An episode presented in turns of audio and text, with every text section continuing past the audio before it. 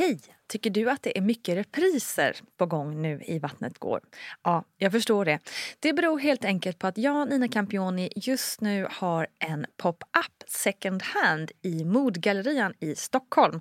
Så min tid räcker helt enkelt inte tid att göra så många avsnitt som jag hade önskat. Men tills jag är tillbaka på full tid, kom gärna och hälsa på mig i Modgallerian. Vi ses! Och hon blir ju bara alltså, så här, likblek i ansiktet när hon ser mm. blodet. Eh, och, och tittar på mig och bara, eh, jag ska gå och hämta en doktor. Så. Mm. Och då vet jag att det är någonting fel på mitt barn. Hallå där kära lyssnare, hej på dig! Jag hoppas att du mår alldeles utmärkt och att du nu kanske är ute och går på en härlig promenad eller sitter på bussen eller åker bil eller kanske till och med ligger i sängen och lyssnar tillsammans med din partner. Ja, hur du än lyssnar så är jag glad att just du gör det. Jag heter Nina Campioni och podden, ja den heter ju Vattnet går. Och jag påminner också om att podden ju faktiskt också finns på Instagram och som en mammagrupp på Facebook. Och det finns mycket mer kul och inspirerande där. Men nu hoppar vi rakt till veckans gäst som är ingen mindre än årets viktigaste mamma. Både enligt magasinet Mamma och ja, enligt mig också. Nämligen Ashatou Aisha Jones. Asha är entreprenör, trebarnsmamma och initiativtagare till Black Lives Matter Sweden. Och nu blir det snack om tre raketsnabba förlossningar. Att bli mamma tidigt och att få en son som föds med tarmvred och mycket, mycket annat. Och med oss har vi också som vanligt barnmorskan Gudrun Abascal. Nu välkomnar jag Aisha Jones.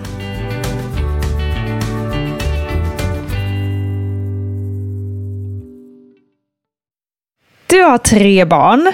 Var det din syn av en familj innan? Eller hur blev det så här? Oj, gud vilken, vilken svår fråga. eh, om det var min syn? Jag tror faktiskt inte att jag har någon syn på hur en familj ska se ut eller hur många som ingår i den. Eh, just för att Nej. i min familj så är vi väldigt olika beroende på vilken del av familjen jag tittar på. Eh, jag är uppväxt med fyra syskon men har fler syskon än vad jag vet om. Eh, ah, okay. Spännande. Ja. Och sen, det kan ploppa upp lite nya nu som då? Ja, men faktiskt. Ett, ett tag så, så ploppar det upp nya syskon. Det känns, känns som någon gång i månaden. Liksom. Men, eh, så att jag har ingen ingen bild på hur en familj ska se ut. Uh, nu skrattade vi åt det där, men det, det måste ju också kanske varit, nu måste, måste inte någonting, men jag tänker att det kanske också var lite jobbigt eller konstigt? Jättekonstigt. Eller alltså, tänk dig själv att sitta ja. på Instagram en dag och sen bara kommer du, kommer, dyker en profil upp och bara den där personen ser ut som mig. och, bara, oh, Gud, och sen gå in på oh, den, den, personen och bara den har samma efternamn som mig. Hmm, den känner den och den som jag också känner och sen bara vänta. Hö, kan vi vara släkt? Ja, visar sig att ni är systrar.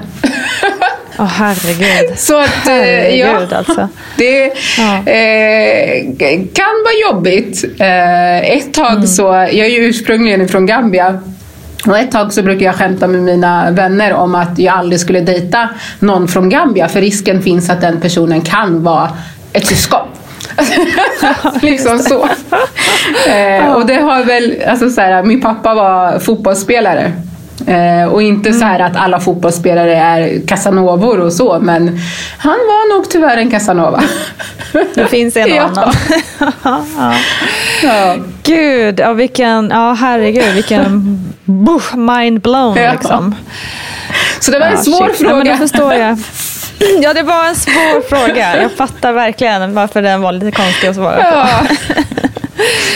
Men hur har du liksom, fick du reda på det här innan du fick barn eller har det kommit efter? Nej, det har jag vetat eh, innan jag fick barn. Eh, innan, ja, ja. Det har jag vetat. Eh. Men tror du att det har påverkat din syn av liksom föräldra Definitivt. Liksom. Ja. ja. Min, min föräldrarsyn och, och liksom synen och tanken kring, kring hur en förälder ska och bör vara är väldigt mycket eh, ärrad utav mm. eh, vad ska man säga, hur, hur, hur min familjekonstellation är. Eh, mm. Och, och det är ju just för att jag inte är uppväxt med min pappa. Eh, jag är uppväxt med en styvfar som kanske inte var den bästa styvfaren alla gånger. Eh, uppväxt med en mm. mamma som var väldigt karriärsinriktad och därför väldigt mycket frånvarande ifrån liksom barn, bar, vi, vi barn, oss barns liv. Säger man så? Oss barn. Ja. Mm. Ja. eh, så definitivt, det har präglat jättemycket. Mm. Det har det. Mm. Men har du då gått in i liksom, jag ska vara precis tvärt emot ja. attityd? Eller det värsta liksom, du kan säga till mig är att jag är som min mamma i mitt föräldraskap. Det är liksom så här, va? Vad menar du? Nej! Eh, fast det, det beror också på i vilka situationer. Eh, på vissa mm. fronter och håll så vill jag nog säga att min mamma var den bästa mamman jag hade kunnat haft. Eh, hon har gjort mig otroligt stark, eh, självständig och eh, det finns ingen situation eller liksom, vad ska man säga, det finns ingenting som jag inte kan hantera för att hon tidigt lärde oss att vi kommer alltid bara ha oss själva att förlita oss på at the end of the day. Lite grann mm. så. Mm. Men, men jag tror att det är bra som förälder för barnens skull att ändå så faktiskt vara en förälder också. Inte bara den här mm. eh, vad ska man säga, livscoachen. Liksom. Just det. Mm. Ja. ja. spännande. Vi kommer prata mer om föräldrarollen i Barnet Går med dig lite längre fram. Yeah.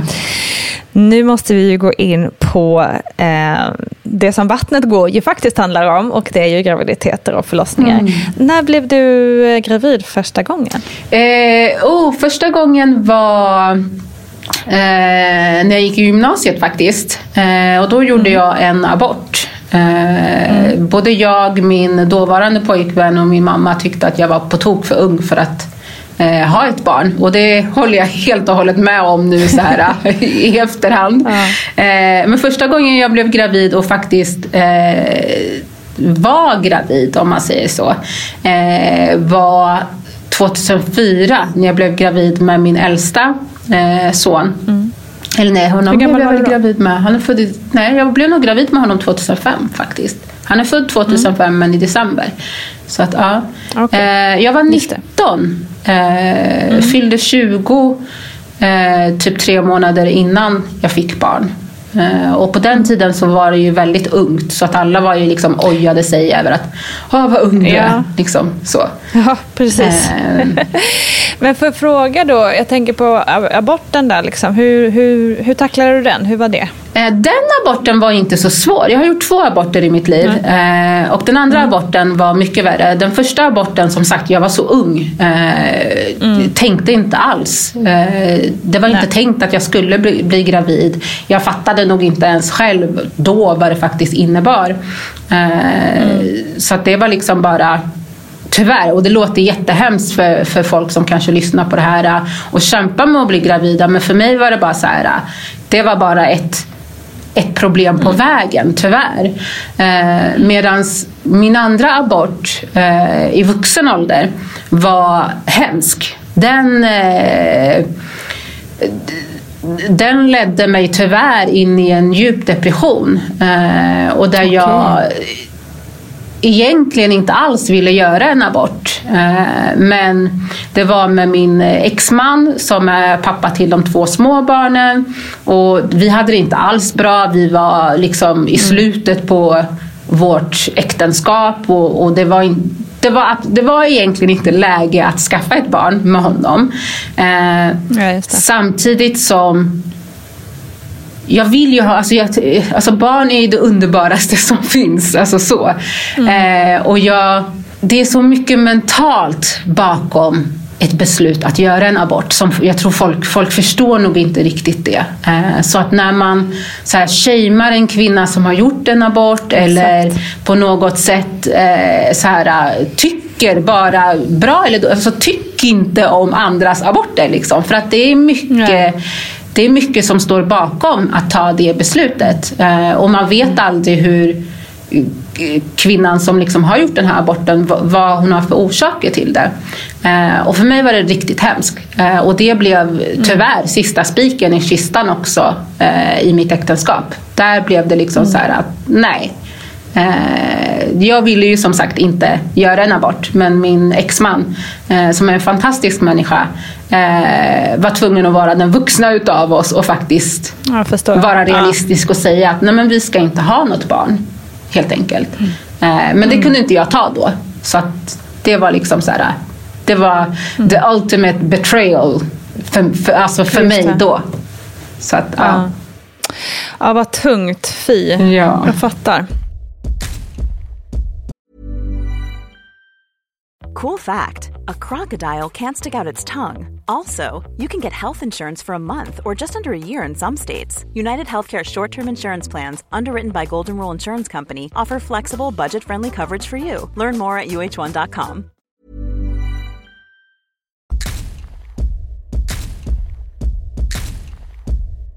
Om vi backar tillbaka då till, för du var ju ändå väldigt ung då som vi sa, eh, när du blev gravid eh, andra gången ja. då och du ville behålla det så att säga. Eh, hur, hur gick tankarna där att bli en inom situationstecken, ung mamma. Ja, eh, hade de här tonårsprogrammen gått så hade jag väl varit med där för att jag var en typisk, eh, en typisk spoiled teenage brat som blev eh, gravid. Eh, och jag var ju egentligen, skulle precis göra modellkarriär och liksom skulle bli nästa Naomi Campbell och liksom hela den ja. grejen. Så att det var det var egentligen inte läge då heller att skaffa barn. Eh, men jag var mycket mognare tyckte jag och eh, hade, hade inte enligt mig tillräckligt starka skäl för att inte behålla barnet. Eh, och, och jag ville någonstans också ha barn då. jag har uppfostrat mina småsyskon så att jag tänkte att jag har gjort väldigt mycket utav det här redan. Det är klart att jag klarar mm. det här. Eh, så jag, jag, ville ha ett barn och jag tyckte att det var det skulle bli en fantastisk resa att vara gravid. Det såg jag extremt mm. mycket fram emot. Eh, men det var läskigt som sagt. Jag var ung, arbetslös, eh, bodde hemma hos mamma. Alltså, liksom inga, inga bra utsikter. Vad sa karriärsmamman då, som ju kanske lite fokuserar på den delen av livet? Är vi här igen. det var hennes liksom såhär, åh, är vi här igen? Det är alltid du Aisha, det är alltid något av mina andra barn. Eh, samtidigt som jag tror att hon innerst inne också faktiskt tyckte det kanske skulle bli kul att få bli mormor. Eh, som sagt, jag, jag, har fått, jag har gått igenom en hel del i mitt liv som har gjort att jag har växt upp otroligt snabbt. Så att även om jag var 19 till åldern så var jag nog minst 10 år äldre i livserfarenhet.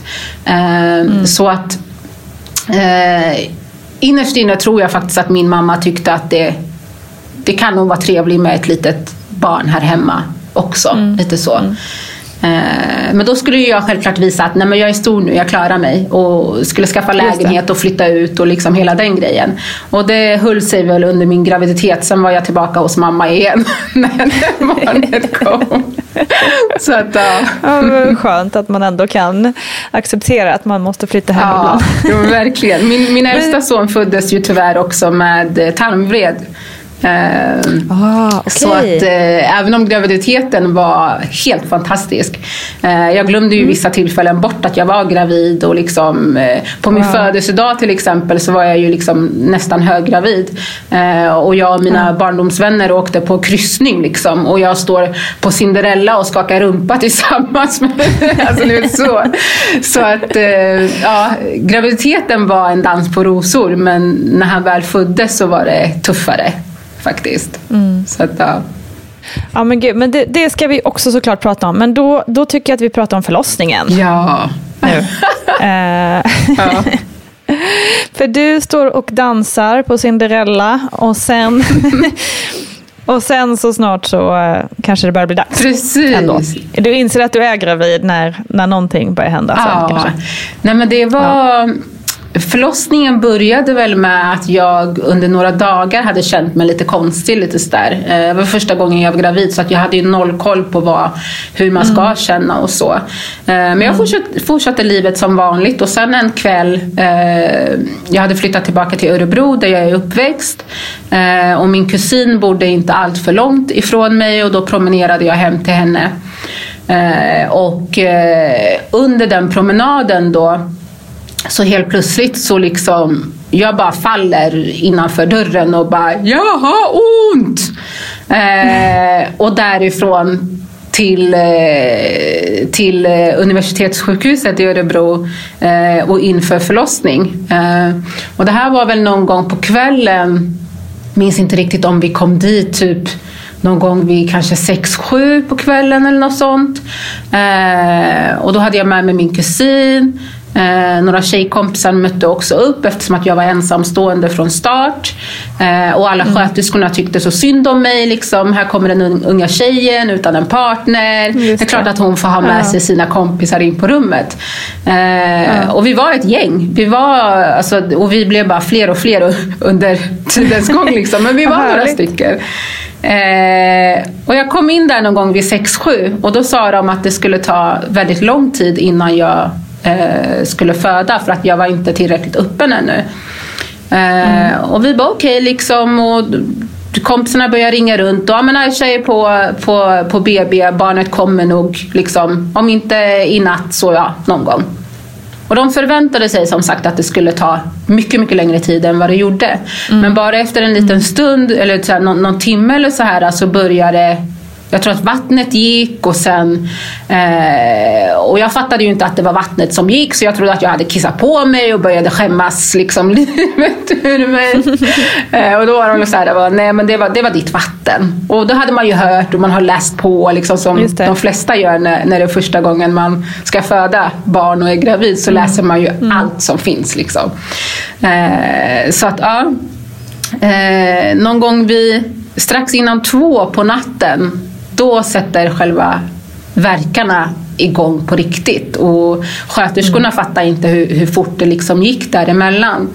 Eh, och jag har mina tjejkompisar inne på rummet och eh, börjar... Eh, eh de, de spelar liksom värsta hiphopmusiken. alltså så 50 Cent. Min son föddes till eh, precis övergången mellan 50 Cents eh, In the Club-låten You can find me ja. in the club. alltså mellan den, alltså du säger dålig, ja det är så sjukt. Ja. Eh, det föds min son till liksom. Och precis så kommer en övergång till den här låten eh, You are my African Queen. Vilket är wow. helt, helt sjukt, eller hur? Så helt sjukt. eh, men det, vi, var, Grisningar. Ah, vi var unga, en tjejkompis hade kommit, eh, hon var, hade varit ute på krogen den, den dagen eh, och fick liksom så här, Aisha är inne på BB, du måste komma nu. Och kommer liksom in på BB helt stupfull och bara tuppar av på golvet. Alltså, det var världens cirkus. Eh, och, och mitt i allt det liksom ungdomspartykaoset föds världens finaste pojke. Eh, 02 på natten. Eh, wow, ja. ja det gick det väldigt snabbt. ja, så att det, ja. Eh, allt gick ju väldigt fort från att inte ha haft någon verk alls. Liksom. Det var bara förverkar när jag var hemma hos min kusin mm. visade sig. Till att verkarna mm. bara kom och plopp så var han ute. Eh, inga komplikationer, ingenting. Och det var alltså, det gick som sagt på en räls eh, alltihopa. Så att, ja. Gud vad härligt. Ja, det var kul mm.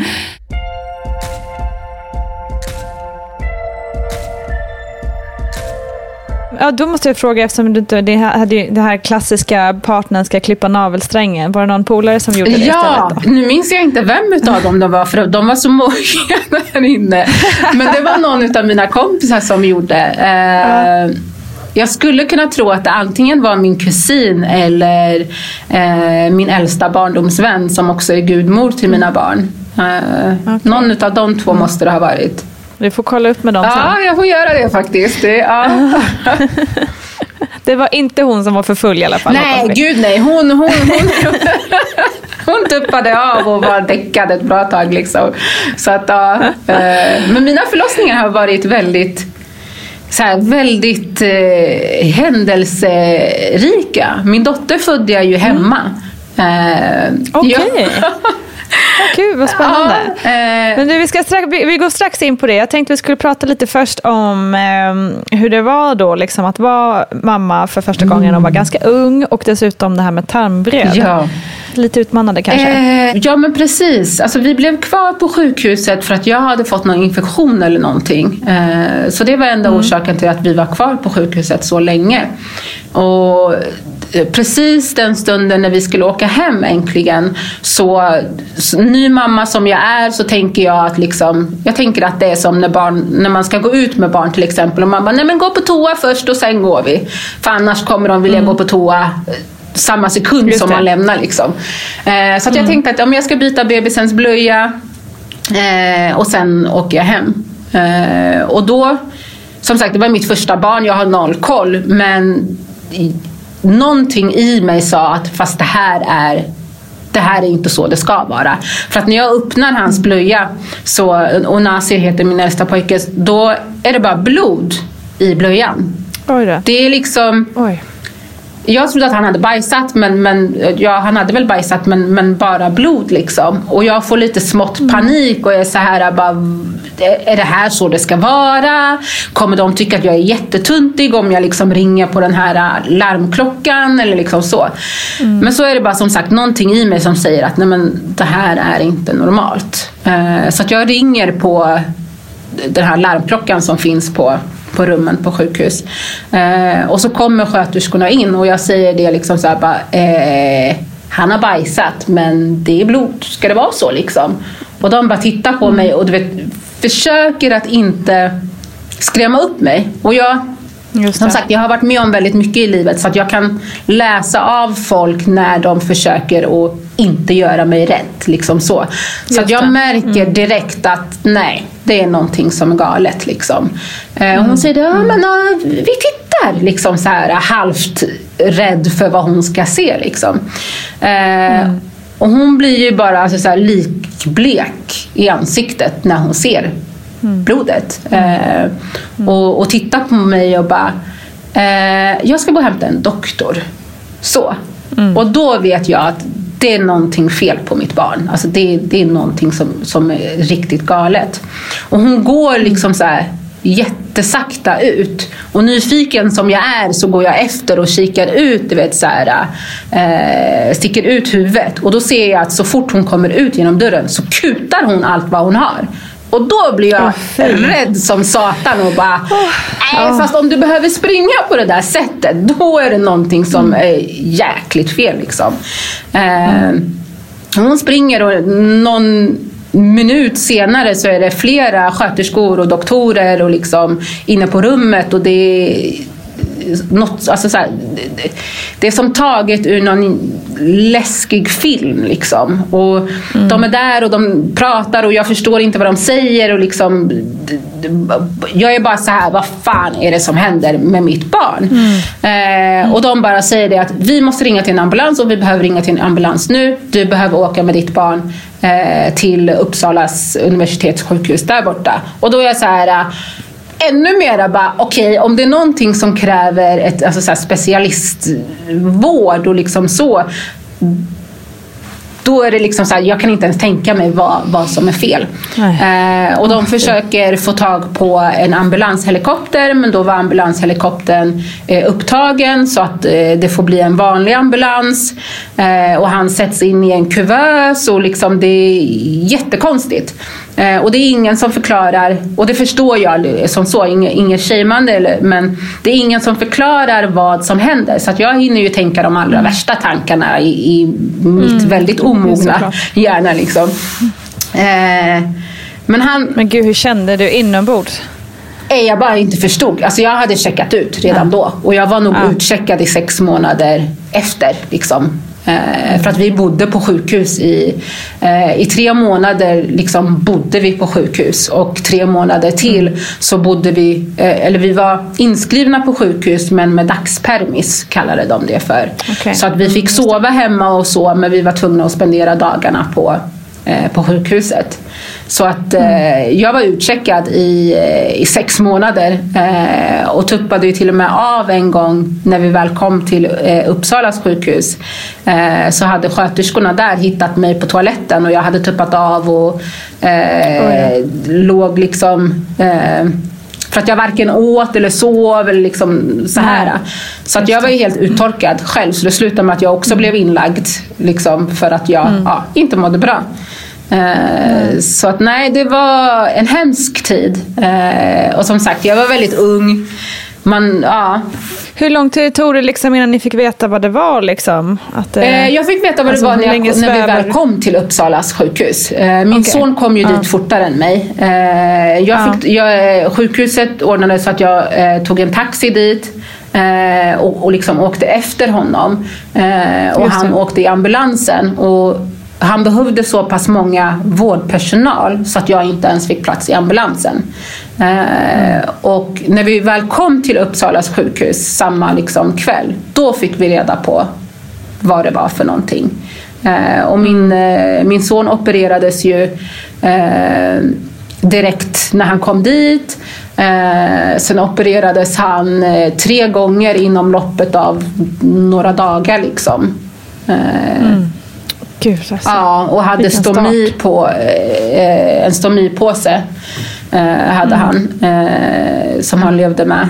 Eh, och eh, eh, har ju fortfarande ärr på magen. Som liksom, ja, jag har fått berätta för honom när han har blivit äldre va- varför och liksom hur och, och så.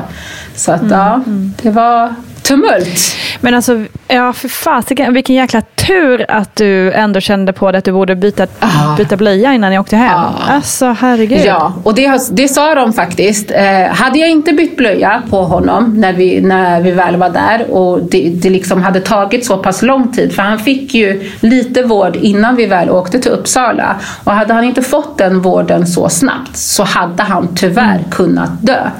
Eh, och det var Shit, många sådana stunder, även när vi var i Uppsalas sjukhus, där, där läkarna liksom och de, jag var ju så ung och folk ville så gärna skydda mig och liksom så. Så att även läkarna i Uppsalas sjukhus, eh, jag överhörde, och jag är bäst på att överhöra saker. så eh, de, de pratade ju också någon gång eh, precis utanför ett väntrum där jag satt och då var det två läkare som pratade, en kirurg och någon slags läkare som pratade om vem som skulle ge mig de dåliga nyheterna och hur de skulle göra det. Eh, och det var ju för att de inte trodde att han skulle överleva eh, operationer och så vidare. Men den där lilla killen var, när de opererade honom till exempel och tänkte att om det kommer ta eh, det kommer ta liksom flera timmar och så här innan han vaknar till och eh, det kommer nog ta en dag innan han återfår energin.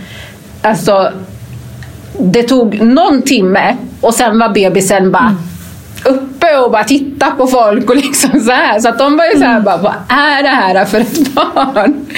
Eh, så att, eh, min son fick ju vara med i olika studier under hans första levnadsår för att de verkligen Okej. inte förstod hur han kunde repa sig så fort liksom.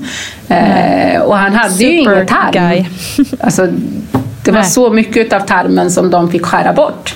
Eh, så Mm. det var verkligen så här, han har, inget, han har inte tillräckligt med tarm för att klara det här. Eh, men vi ska självklart ge det ett försök. Så. Mm. Eh, och jag fick ta beslut om jag ville det. Och det är väl klart, det är väl ingen mamma som säger att nej, försök inte. Alltså, Nej, precis. Nej, ja. exakt. Aishas första barn föddes med tarmvred. Är det ovanligt eller? Ja, det här fick jag verkligen eh, ta mig själv i kragen och bara tänka efter. Och så fick jag tänka, det här måste jag koppla in någon neonatolog och så måste jag koppla in alltihopa det där. För att utifrån, om jag utifrån, går från min egen erfarenhet som barnmorska under mina år, så jag har det inte, är det inte för mig alls vanligt på något sätt. Sen är det så att jag har ju inte träffat, träffar ju inte barnen, jag, jag är med när de föds och sen så har jag varit med kanske upp till ett dygn. Och sen så att därför det här, ofta så kommer symptomen senare liksom på det här mm. viset. Så jag var tvungen faktiskt att göra en ordentlig research. Och då visade det sig när jag pratade med en jätteerfaren barnläkare och det här med först och främst att man vet vad tarmvred är. Det kan ju vara orsakat av olika anledningar, bara så att man vet om det kan ju vara bra. att det Och det innebär ju att det är stopp i tarmen, att tarmen, tarmarna inte fungerar så barnet kan inte bajsa om man säger så. Mm. Det är ju en katastrofsituation mm. om de det är så. Och sen så, så vad jag har eh, tagit reda på det är att vi kollar ju alltid när man, vid, vid barn, första barnskötningen så för man ju in en en sond i ändtarmsöppningen och en bit upp för att se att det finns passage. För ibland så kan det vara sammanvuxet längst ner. För att okay. Och då vill, vill man också helst ha lite mekonium så att barnbajs på den här sonden, för då vet man att då är det fri passage. Det. Men det är ju inte alltid så man får det. Man kommer in fint med sonden men ändå så har inte bajset kommit ner tillräckligt långt. Så, vidare. så när jag stämde av dem med eh, Lasse och så vidare så att, och Charlotte så de kan det mycket bättre. Så säger de så ja, ska man ge någon sån här tid på, ja, barnet ska ha bajsat inom 48 timmar. Så mm, har inte mm. barnet bajsat, eller meckat som vi kallar det för, ja. inom 48, då ska man gå vidare och undersöka det där. Så, okay. så att det, jag tänker att det kan ju vara verkligen viktigt att veta nu när man, det här med tidig hemgång, om man går ja, hem kanske efter 6 timmar, efter 24 timmar. Och mm. Det här ska ju informeras innan man går hem, men ändå, det vill jag bara eh, höja en flagga för. Liksom att, att det är viktigt, eh, mm. så att säga. Sedan är det ju de här nyfödda bebisarna, de, de kan ju bajsa väldigt olika sedan. De bajsar mycket på en gång och så kan det gå lång tid innan, innan de bajsar. Man, ibland är ju föräldrarna oroliga för att de bajsar så ofta och så mm. är bara att det går för lång tid emellan. Mm, det. det är väldigt fram och tillbaka. Men det är ju normalt, så när man ammar så är, är, blir det ju oftast på det viset. Så. Kanske också förstärka att det just är ovanligt. Att det, det, ja. Ja. Mm. ja det, det, är ju inte procent vi pratar om, utan det är promille. Promille. Just det. Ja. Mm. A lot can happen in three years, like a chatbot may be your new best friend. But what won't change? Needing health insurance. United Healthcare Tri Term Medical Plans, underwritten by Golden Rule Insurance Company, offer flexible, budget friendly coverage that lasts nearly three years in some states. Learn more at uh1.com. Spring? Is that you? Warmer temps mean new Allbirds styles. Meet the Superlight Collection, the lightest ever shoes from Allbirds, now in fresh colors. These must have travel shoes have a lighter than air feel and barely their fit that made them the most packable shoes ever. Plus, they're comfy right out of the box. That means more comfort and less baggage. Experience how Allbirds is redefining comfort. Visit allbirds.com and use code SUPER24 for a free pair of socks with a purchase of $48 or more. That's A L L B I R D S.com, code SUPER24.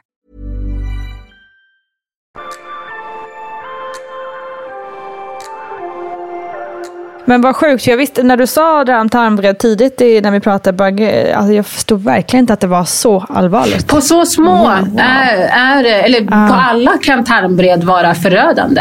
Uh, uh. Men på så små, alltså så här, nyfödda, så är det, och speciellt då, det här är ju, hur gammal är Nasi nu? Han är 15 nu, så att det här är ju många, många år sedan också. Mm. Utvecklingen har ju gått helt fantastisk eh, som så. Men för 15 år sedan så, mm.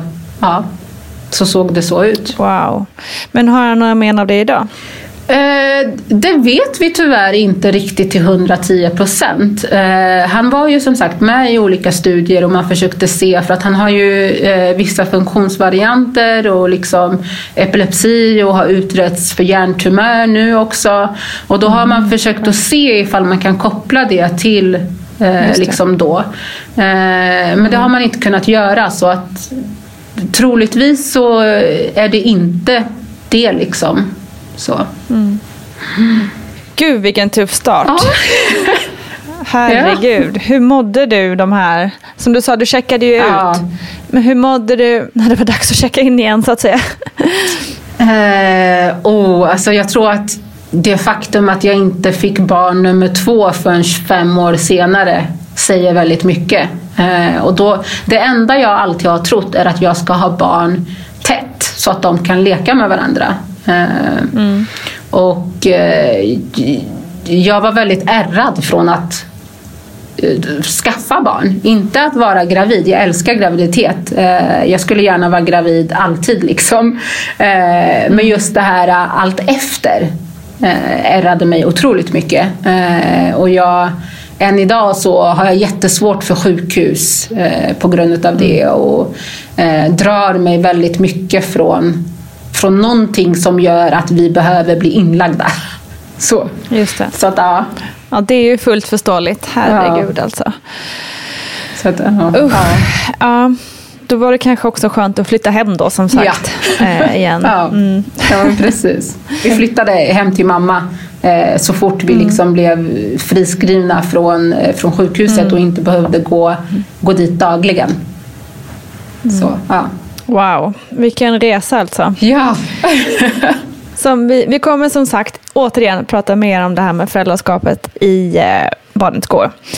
Så vi hoppar egentligen direkt till barn nummer två. Ja. Det tog lite tag innan du, eh, innan du var, blev, Precis. kände att du var redo igen. Då. Ja. Mm. Eh, jag hade nog kunnat skaffa barn mycket tidigare än, än vad jag gjorde som så.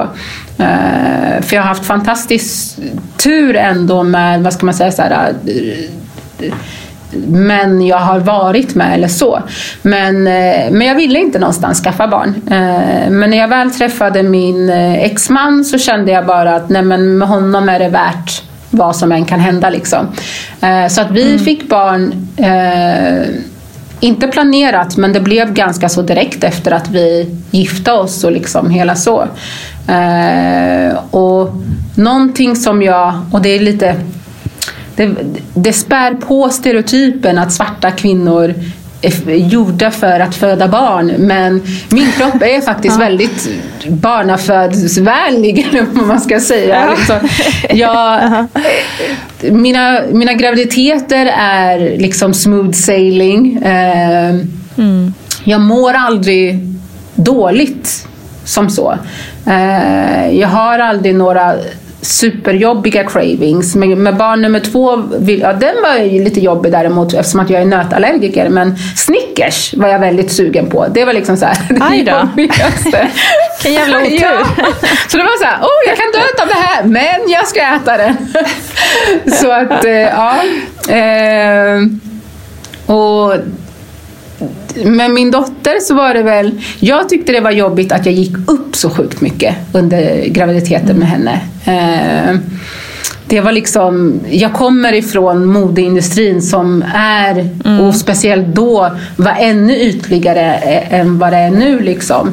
Så mm. att just det här med vikten kämpade jag mycket med. Att jag var så stor och jag kände mig väldigt ful och liksom inte alls det här glowet som alla pratar om. Det tyckte jag inte alls att jag hade. Eh, utan jag tyckte mm. bara att jag var stor och, och klumpig och liksom i vägen. Typ så.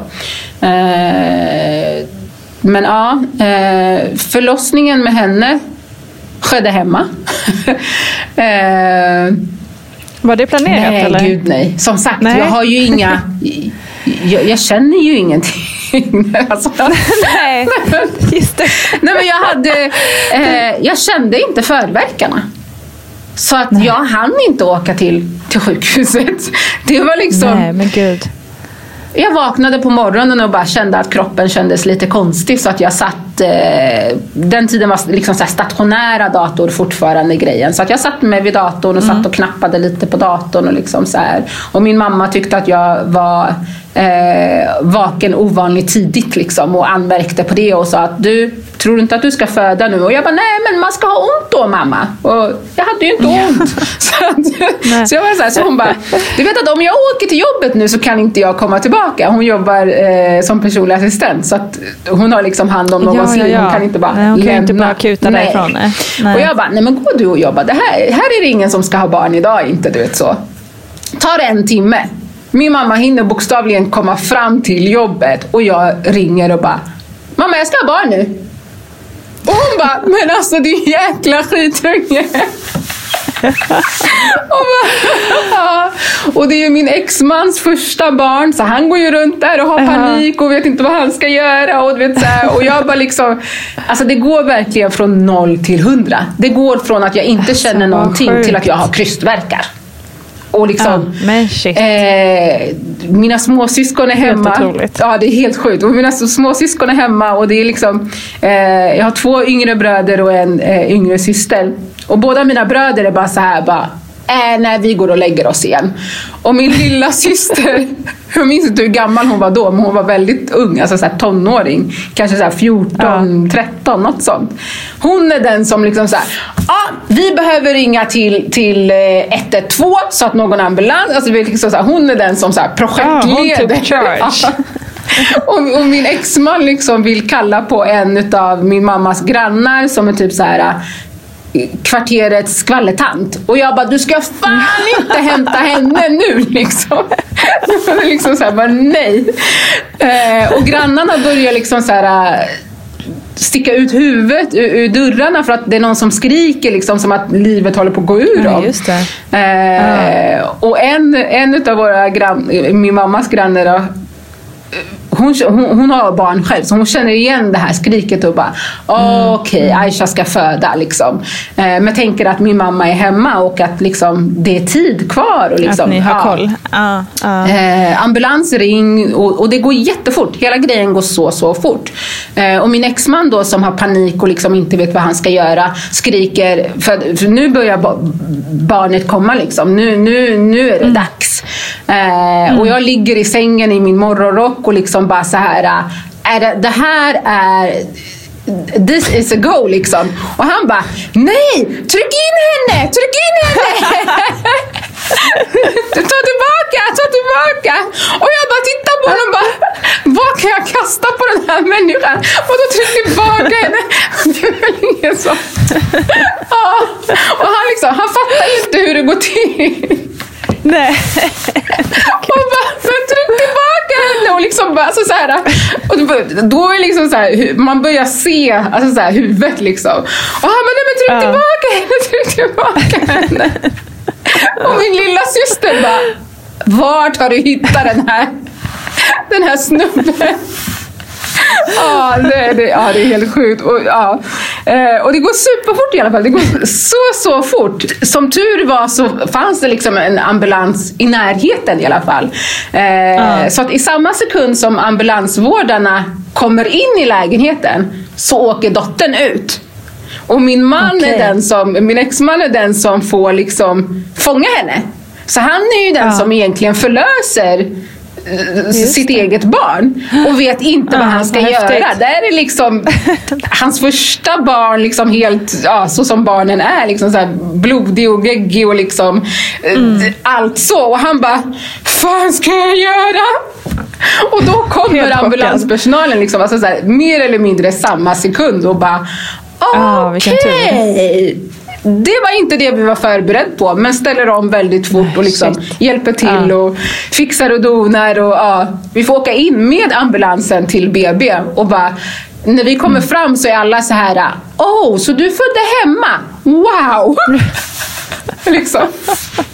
Och de fattar ingenting. Eh, och jag själv Nej. har nog inte heller liksom så här då hade jag inte heller fattat att liksom, vi födde hemma. Det var inte... Nej, Alltså- exakt. Overkligt Ja. Shit. ja, så det var... Men, va, men herregud, vad, det, ja, återigen vad skönt att det gick så bra. liksom att det gick. Ja, ja det är helt sjukt. Och Aisha kände ju inga verkar alls förrän det blev krystdags. Eh, Och det ena barnet föddes således i hemmet lite chockartat.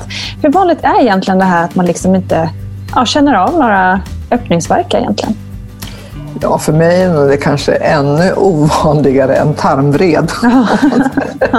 Om man säger så.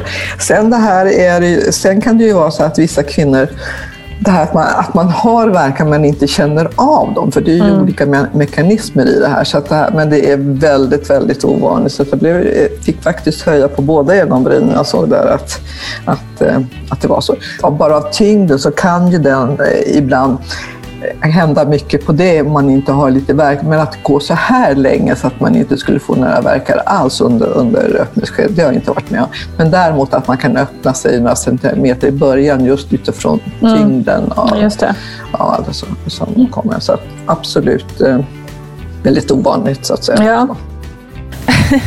Så det var bebis nummer, nummer två. Det var bebis nummer två. Undrar vad som händer med bebis nummer tre. Det var inte lika dramatiskt. Men jag måste bara fråga innan vi går in på det. Liksom, hur, alltså hur, jag tänker, det, nu gick det ju väldigt bra så, men man måste ju ändå bli lite chockad, ja. både du och din exmake. Ja. Liksom. Hur, hur, hur, kände ni efter det här, liksom, när, ni fick, när ni landat? Eh, min exman tycker ju fortfarande att liksom, det, var, det är det sjukaste han har varit med om. Liksom. Eh, ja. Han har förlöst ett barn, alltså, mer eller mindre. Eh, jag själv tyckte väl bara att det var konstigt att jag inte kände någonting. Liksom. så. Mm. Eh, mm. och också det här lite grann det är ju inte vanligt att man föder hemma. Så som, förr i tiden så gjorde man ju det. Man födde ju hemma, det var inget mm, konstigt med det. Mm, eh, fast då, var det ju, då hade man ju en barnmorska där och det var planerat. Och, liksom, ja. Eh, till, och det visade sig till barn nummer tre, liksom, att jag blev ärrad utav det, att jag gick runt och trodde att jag kommer föda när som helst. Oh, liksom, så. och jag blev precis, rädd för, ja. vad händer ifall jag föder i ICA? Liksom? Alltså, Exakt. vad, vad ja, då ska kassörskan ta emot mitt barn? Du kan ju vara var som helst. Alltså, ja. ja. Så att, eh, jag blev väldigt ärrad på det sättet att jag, jag kände att jag kanske, vad ska man säga, det, ja, det, det var, min kropp kanske är för tålig. Precis. Lite så. För bra ja. på att föda barn. Ja, men precis. precis. Så att, ja. Men fick du, jag tänker under den graviditeten då med ditt tredje barn, fick du, pratade ni någonting ja. om det här? Finns det några så hjälpmedel? Att liksom, inte hjälpmedel. Te, alltså se tecken, nej. nej. Det fantastiska mm. med ett land som Sverige är ju att vi har ju en sjukvård i särklass. Liksom, mm. Det måste man bara säga att vården i Sverige i alla led är fantastisk. Eh, det är kunnig, kunnig personal, det är personal som faktiskt är där för att de vill hjälpa och för att de vill göra mm. gott. Liksom. Eh, så att den enda hjälpen man kan få är att man får prata med barnmorska innan. Och liksom, speciellt mm. om man har haft så snabba förlossningar som jag hade så är de ändå mm. så väldigt duktiga på att planera nästa förlossning.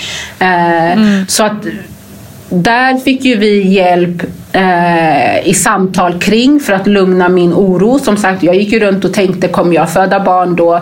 Alltså som sagt på ICA någon gång när jag är där och liksom mm. så. Mm. Eh, och hur gör jag då? Och liksom, finns det något hjälpmedel? Nej, det finns inget hjälpmedel. Men man kan planera så att när man är liksom så här eh, i nionde månaden att man planerar, alltså kolla så här, mår barnet bra? Kan vi planera en igångsätt, igångsättning och liksom så. Den hjälpen kan man mm. få och det är väldigt mm. bra. Mm. mm. Eh, så att med min minsting så var, var det ju en planerad eh, tid som vi fick komma in på. Och det visade sig, ja, ja, och det visade sig att det var väldigt bra att vi hade en sån planerad tid. För att när jag kom dit på den tiden så gick jag runt och var öppen och mer eller mindre faktiskt skulle föda när som helst. Du skojar. så det var också så här. Bara, så de sa det bara, ah, det här var jättebra att vi hade planerat det på den här dagen. För hade du väntat ah. någon dag till så hade du troligtvis redan fött. Alltså, du vet, så. Ja, då hade du varit på ICA. Ja, så att, alltså herregud. Ja. Så att, oh. som sagt, det, ja.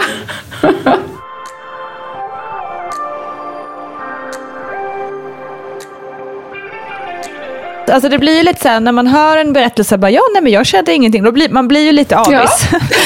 liksom, på ett sätt. Ja.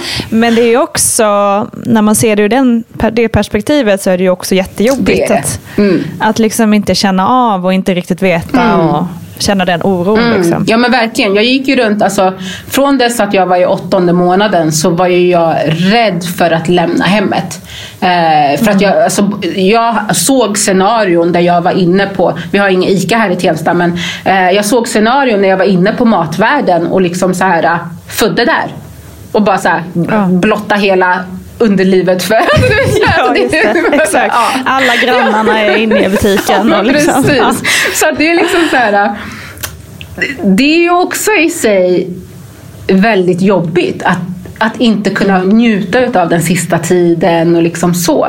eh, så att jag tyckte att det var extremt jobbigt att vara så himla tålig och att inte känna. Liksom. Eh, Och det är ju på ett sätt är det också en del utav graviditeten och graviditetens gång. Liksom. Men, eh, men jag måste nog vara ärlig och säga också att hellre att inte känna än att gå igenom sådana förlossningar som tyvärr många faktiskt har. Ja. Alltså, 40 timmars smärta ah, liksom. nej, och, nej, ja, det hade jag inte Nej, klarat. Då var det bättre som Ja, du hade ja, det. Nej, men verkligen. Så ja. men gud alltså. Vad, det är så häftigt samtidigt som det är lite liksom, läskigt också. Men det är Ja. otroligt att höra om. Ja, ja verkligen. Wow. Så att, ja, nej. Tredje var Ja. igångsatt och, och liksom planerat och gick jättesmooth. Ja, hur gick det då? Precis, vi får gå tillbaka. Ja, Jag glömde nej, men det var- det. Jag bara gick upp i det här med smärta. Det var väl den minst alltså, så här, dramatiskt, eller liksom, det var inget konstigt. Det var, vi kom dit eh, till sjukhuset då, det var planerat sedan innan. Eh, min närmsta barndomsvän har varit med på alla förlossningar. Eh, hon var inte med när, när min dotter föddes eh, eftersom att hon som sagt föddes i eh, hemmet. Men hon mötte oss på sjukhuset så att hon har liksom varit med på Ah, ja, ja. allihopa. Eh, och eh, när, eh, när min minsta föddes så var hon där också. Liksom. Och det var inget konstigt. Vi, de gav mig någon, någon medicin eller vad det nu är som liksom ska göra så att verkarna kommer igång. Eh, De förväntade sig att det skulle vara en viss tid. Det gick sjukt mycket fortare än, än vad de hade trott. Alltså, såklart. såklart. Ja, jag var så här, fast det, det hade ni väl kunnat lista ut by now. Liksom. Eh, Men den här liksom, igångsättningsmedicinen, det gjorde inte att du kände några verkar? För ibland kan det vara att man känner starkare verkar då. Men Nej, jag tyckte att det var, Var det samma. samma för dig alltså, inte- Jag kände Ja. inte någon större skillnad. Eh, jag tyckte, för mig så tog det längre tid. Jag tyckte att, alltså, Mm. jag är ju van med att barnen flyger ur mig. Liksom.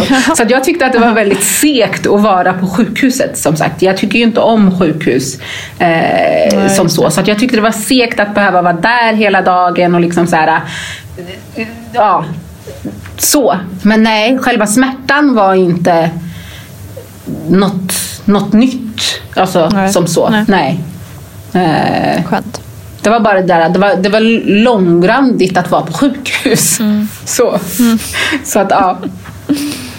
Det var, ja. Men ja, och sen, och sen kom Och sen kom det en tredje pojke, eller en Ja. tredje bebis, ett tredje barn eh, som inte alls var väntad. Eh, jag fick reda på att jag var gravid med honom när jag skulle till eh, BVC för att få preventivmedel. Då får man ju göra ett grabbtest. Jaha, Ja. men gud. Och då var det liksom så här, barnmorskan sa det, att, nej men, och det är samma barnmorska som jag har haft till alla barnen. Hon sa det, nej men, nej men Aisha jag kan inte ge dig något preventivmedel. Så jag, men varför? Jag har ju gjort testet, jag har ju liksom bokat min tid, ge mig de här jäkla pillerna liksom. Hon bara, nej men alltså det är för sent. Jag bara, vad menar du för sent? Nej men du är gravid. Och jag bara sitter där och bara, hur fan kan det här hända? Jag vet ju hur det har hänt men ja. Så, ja. Åh, gud. så var det. Så var den chocken Ja. igång. ja, verkligen. Men hur många år är det då mellan tvåan och trean? Eh, det är knappt ett år. Eh, Ja, okej.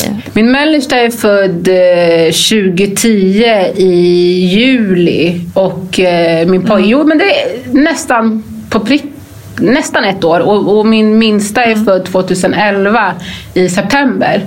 Så det är liksom, ja, väldigt kort därefter. Jag är väldigt fertil Hur- också vet du. Ja, jag märker det. det, det. ja. Så den här fördomen om svarta kvinnor, jag vet Jag inte. vet, jag vet! Jag är ju sån stereotyp! Alltså världens stereotyp. Alltså, jag vet. ja, ja. Men, eh, men hur har det varit att ha haft två så små barn samtidigt? Det var helvete. Och det är Ja, det helvete var det. nu också. För att de är ju Ja. på varandra hela tiden. För att de är ju så nära. Och det är liksom så här, är så lika. Folk förväntar sig att de ska vara som tvillingar eller vad man nu ska säga. Fast de är ju inte det. det är, alltså, de är ju inte det. Det är ju faktiskt ett år emellan. Nej, och och, och Ja. stora syster tycker att det är jätteviktigt att poängtera att hon är faktiskt ett år äldre. Liksom. Medan lillebror tycker Såklart. att fast det är ju bara ett år äldre. Alltså, det är så... ja. Just det. Så det, det, ja. det är kämpigt. Ja, härligt. Det är härligt med Det är livet. härligt, ja. ja. Barn. Skaffa barn Ja, säger exakt. man. Ba- barn är ju ljuvliga. Ja. De är ju det va?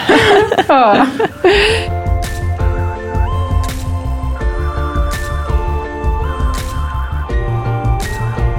Men du, eh, nu har vi fått höra om de här otroliga förlossningarna och, och faktiskt utmaningarna som du har haft. Eh, har du någonting som, något du vill tipsa om eller råda om innan, innan vi avslutar? Alltså jag tänker att vi måste ju ta upp den här myten om den här äh, mam- äh, BB-väskan. Den Ja, glömmer man ju, eller så har man inte alls packat det man behöver. Den kan man bara skippa. Alltså jag kommer ihåg första graviditeten, så man, det, det finns ju så här, jag vet inte om det finns det nu, men då fanns det ju så här, man kunde printa ut listor på så här perfekta Ja, ja, ja, just det. Mhm. Och jag köpte ju Absolut. allt. Allt, allt, Mm. allt som stod på den där jäkla listan hade jag köpt liksom. Och bara, Mm. använde inte en enda utav dem. Nej. Det var bara, alltså. det, var, det enda som behövs är ett par tofflor. Det var liksom så här, det är det som behövs. Ett par tofflor. Ja men så är det ju. Så är det ju verkligen. För allt som du behöver, det finns ju Det på finns BB. ju där. Egentligen. Ja, Men verkligen. Så det är så här, ett par tofflor är allt du behöver. Och, ja, exakt. och du är good to go.